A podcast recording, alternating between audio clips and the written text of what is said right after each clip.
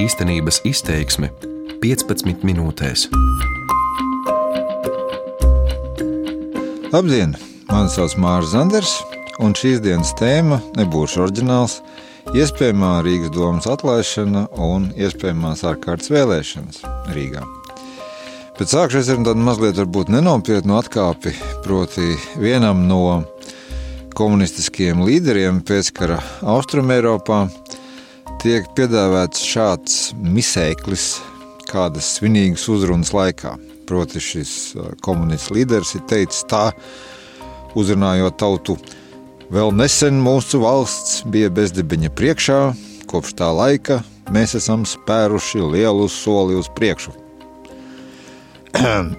Par to, ka Rīgas doma ir nonākusi tās atlaišanas un ārkārtas vēlēšanu priekšā, ir runāts ilgāku laiku. Un, protams, jautājums ir, par ko izvērtīsies šī atlaišana un ārkārtas vēlēšanas? Par bezdibenu vai par kaut ko vairāk?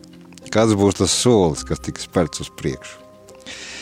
Bet tālākajā es nevēlētos apspriest lēmumu par Rīgas domas atlaišanu, juridiskos aspektus, Jo, atklāti sakot, arī vēl nav skaidrs zināms, vai šāds lēmums par atlaišanu tiks pieņemts, un, un tur ir dažādi varianti. Bet man interesē, ko šādas ārkārtas vēlēšanas, ja tādas notiktu, varētu mainīt galvaspilsētā. No vienas puses, priekšvēlēšana kampaņas, ja tādas būs, protams, ir līdz nelabumam prognozējams. Pašreizējā opozīcija Rīgā teiks, ka Rīga ir novesta līdz kliņķim, un minēs tam dažādas pierādījumus. Savukārt pozīcija Rīgā teiks, ka opozīcija smagi pārspīlē, un arī minēs tam dažādas pierādījumus. Nu, viss kā parasti. No otras puses, pastāv iespēja, ka kampaņu tematika varētu būt vairāk saistīta ar pilsētas reālajām vajadzībām. Ja, protams, pamatots ir jautājums, kas ir šim, kāds ir šādam optimismam iemesls. Nu, tāds piespiedu kārtā. Proti, ja opozīcijas partijas Rīgā savas kampaņas uh, ierasti būvēs uz kritiku, Ušakova, tur, Būrava un tā joprojām saskaņas, cenšoties izvairīties no konkrētiem priekšlikumiem, tad tas viss galu galā izvērtīsies par savstarpēju bļaušanu, kurš vairāk piemānīs vēlētājs. Un tā ir sagadījies, ka šajā ziņā arī opozīcijai Rīgā, kas toties ir pie varas nacionālajā līmenī, nav ar ko lepoties. Citiem vārdiem sakot, ja jaunā vienotība, jaunā konservatīvā partija attīstībai pār un Nacionāla apvienība negrib pašas, tā teikt, uzprasīties uz atgādinājumiem par mediķu algām un tā joprojām, labāk nepiedāvāt sevi Rīgā kā tādus baltos un pūkainos iepratim uh, saskaņai un, un buravam. Jo skaidrs, ka budžeta finansējuma palielināšana partijā, kas daudz, partijām, kas daudz cilvēku skaitina, un skandāli Rīgas saimniecībā, skaidrs, ka tās ir atšķirīgas tēmas. Tomēr puslīdz droši var teikt, ka priekšvēlēšanas strīdos tās tiks, ja tā var teikt, saliktas kopā. Līdz ar to no pašu partiju, no valdības partiju tāda pašaglabāšanās instinkta būtu pārāk, būtu pareizi pārāk nepārspīlēt, akcentējot Rīgas domas dažādas neizdarības un tā joprojām. Vairāk runāt par konkrētām lietām. Ko es saprotu ar pilsētas reālajām vajadzībām? Ja mēs pieņemam to kā realitāti, ka 2020. 2021. gads Rīgas pašvaldības budžetam nebūs tie labākie gadi. Tad ir jāzina, kādi partijām ir konkrēti priekšlikumi par izdevumu samazināšanu. Ja kāds atkal teiks, ka izdevumus pārskatīt nevajadzēs, jo pilnīgi pietiks ar pašreizējās domas vadību un tās ielikteņu pazīšanu, tad tā vienkārši nebūs taisnība. Skaidrs, ka uzpūstu atalgojumu un darba vietas Rīgas domas dažādajos atzaros samazināt vajag, bet ar šādu iegūto naudu nepietiks. Jo pašreizējā pilsētas vadība pati runā par nepieciešamo samazinājumu apmēram 19 miljonu eiro apmērā. Respektīvi, mēs tur varam ļoti daudz ko atlaist Rīgas domē, bet 19 eiro tā nevar saksīt. Tātad, kampaņā būtu jā, kampaņās būtu jārunā par konkrētu priekšlikumu par pilsētas budžetu, sakot, nu, vienkārši izsakoties, kam ņems nos naudu. Tas būtu viens piemērs. Tas pats attiec uz uh, tā, apšaubāmu slavu iegūšajām pašvaldības kapitāla sabiedrībām. Nu, te viss pēc kārtas, ko mēs te zinām. Rīgas, silt, Rīgas satiksme, Rīgas nama pārvaldnieks un tā joprojām. Priekšlikumi par kārtējiem auditiem, pārbaudēm, kā labāko līdzekli pašvaldības uzņēmumu sakārtošanā, manuprāt, vairs nedara. Jo mēs taču redzam, ka pat kadru nomaiņa šajos uzņēmumos, valsts kontrolas prasības, preses aurošana saknē neko nemaina. Kā senai anekdotē par PSRS rūpniecības modernizācijas iespējām. Ražo, ko gribi un kā gribi, beigās vienalga sanāk Kalašņiko automāts. Līdz ar to es sagaidītu konkrēts priekšlikums par to, kāds no šiem pašvaldības uzņēmumiem, piemēram, vajadzētu vispār likvidēt. Un no šī viedokļa ir nepieciešams skaidrs partija redzējums par to, ar ko pašvaldībai vispār ir jānodarbojas un ko pareizāk uzticēt nevalstiskajam sektoram vai privātu biznesam. Tāpat būtu interesanti dzirdēt no partijām, kas tuvākajos gados Rīgā notiks ar tiem investīciju projektiem, kurus izstrādājot savu laiku vai joprojām, pilsēta rēķinājās ar Eiropas Savienības līdzfinansējumu pierastajā proporcijā. Jo ir viedoklis, kas nu, patiesībā ir ne tik daudz viedoklis, cik jau pārliecība, ka nākamajā Eiropas eh, Savienības budžeta plānošanas periodā, nu, kas vēl stāv priekšā, ka ir jārēķinās ar kohēzijas fondu samazinājumu. Jautājums ir tikai par šī samazinājuma apmēriem. Es saprotu, ka tas skan ļoti abstrakti, kohēzijas fondi, bla, bla, bla, bet ja paturam prātā, ka runa ir par, piemēram, satiksmes infrastruktūru pilsētām, nu, vienalga dažādi lieli pārbūves projekti un tā. Tad šī ir ierindas pilsētnieku skaroša tēma. Nu, mēs to varam iegriezt kā gribam. Vai nu mums interesē, kur kaut ko atkal izjauks uz ilgāku laiku, vai kur kaut ko uzlabos. Bet nu, vienalga, tas ir ļoti praktiski lieta. Un starp citu šajā jautājumā tieši tādēļ var gan arī vispār iztikt bez politiķu savstarpējas aplamāšanās. Vienkārši katra partija pasaka savas prioritātes ko, kā teikt, rekonstruēt, ko pārbūvēt, ko, ko pārbūvēt, ko rekonstruēt. To starp gadījumos, kad jāiztiek bez Eiropas naudas.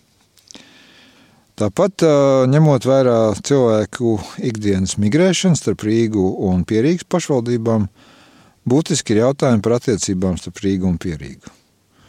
Jo es atgādināšu, bija šis lielais kašķis starp pašvaldībām, par iedzīvotāju piedeklarēšanās vietu, nu, kur visi viens otru mēģināja kaut kā pārspēt ar dažādiem atvieglojumiem, atlaidēm, vēl zinu ko vēl, lai veicinātu cilvēku piedeklarēšanos.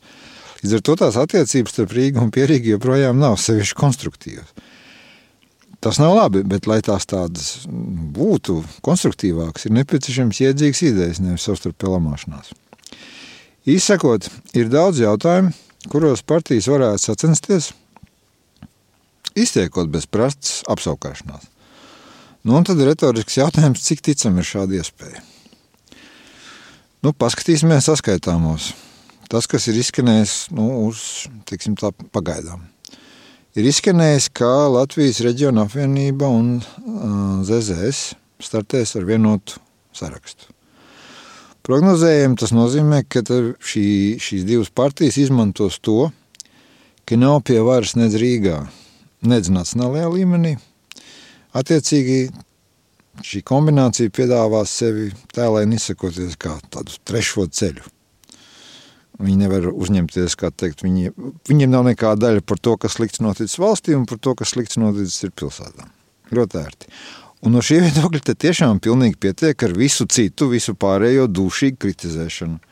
Tas ir šāds apvienības, kā saka, trumpis.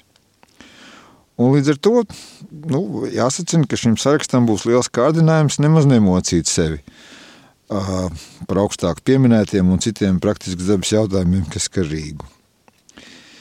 Uh, pamatot šaubas arī par saskaņu, jo no saskaņas viedokļa loģiskāk ir mobilizēt savus vēlētājus, uzsverot, cik netaisnīgi vispār ir domas atlaišana un ka tā viss ir viena liela latviešu partija vēršanās pret citautiešiem. Atkal, ja, ja nostājas saskaņas pozīcijās, tad jo mazāk saskaņas atbalstītājs vispār lauzīs galvu par to, ko nozīmēja daļa saskaņas deputātu domē, izslēgšana no partijas, kas vispār saskaņas iekšienē notiek. Jo mazāk viņš par to domās, jo tas saskaņai labāk. Līdz ar to visdrošākais sauklis mūsējo sit. Es atvainojos par cinismu.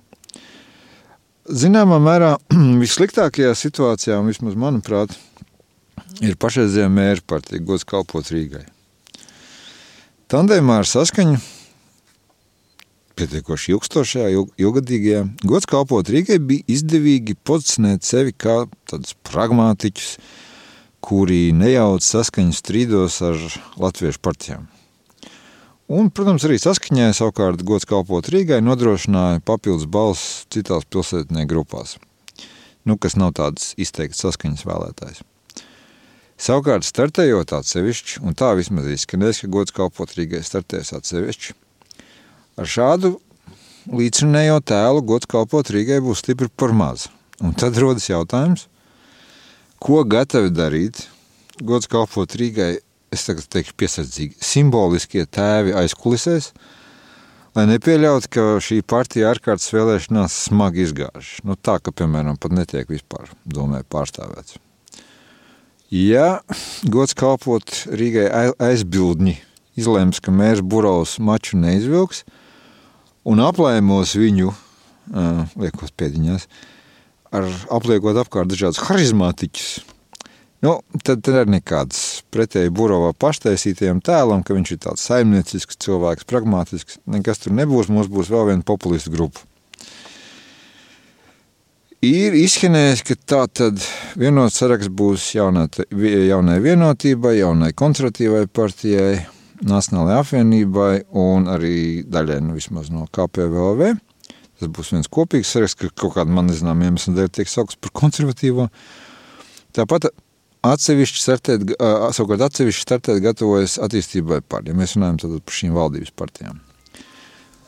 Jautājums, ko no šitiem brīnumbērniem var sagaidīt, ja mēs domājam par to, cik konstruktīvs varētu būt viņu piedāvājums ārkārtas vēlēšana gadījumā Rīgā.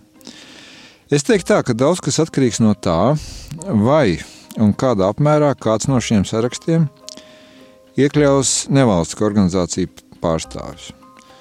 Piemēram, tos, kas apvienojušies Rīgas līgā. Nu, uzreiz saku, ka es neesmu tāds nekritisks nevalstisko iniciatīvu apjūsmotājs. Es nesaku, ka nevalstiskā organizācija automātiski nozīmē, ka tas ir kaut kas brīnišķīgs. Tomēr, manuprāt, šie Rīgas apkaimju aktīvisti, nu, tur ir sākot ar lielo kapu, čiekuru kalnu, teikas un tā joprojām apkaimju aktīvistiem, šie cilvēki ir mazāk tendēti uz jebkura jautājuma aizvilkšanu līdz strīdiem, par to, kā kurš balsoja saimā vai Rīgas domē, nu, uz ko vienmēr parasti noreducējas politiķa diskusijas. Jo skaidrs, ka arī ar šīm partijām nesaistītie, par, ar partijām nesaistītie aktīvisti droši vien arī ir, kā saka, ar saviem tarakāniem galvās, bet viņu priekšrocība objektīvā ir tā, ka viņiem nav jārēķinās ar savām partijām un šo partiju interesēm ārpus Rīgas tematikas. Un viņi var runāt konkrētāk un tiešām vairāk domājot par rīznieku interesēm. Nu, savukārt, ja tā saucamās Latviešu partijas uzskatīs, ka var iztikt bez nevalstisko organizāciju iesaistīšanas, jo paši gudri, nu, tad būs parastā retorika. Uh, rezumējot, būtu pilnīgs neprāts mēģināt prognozēt, kāds varētu būt ārkārtas vēlēšana iznākums Rīgā, bet pastāv neliela tomēr iespēja, ka priekšvēlēšana kampaņas nebūs vecās zupas uzsildīšanu. Īstenības izteiksme 15 minūtēs.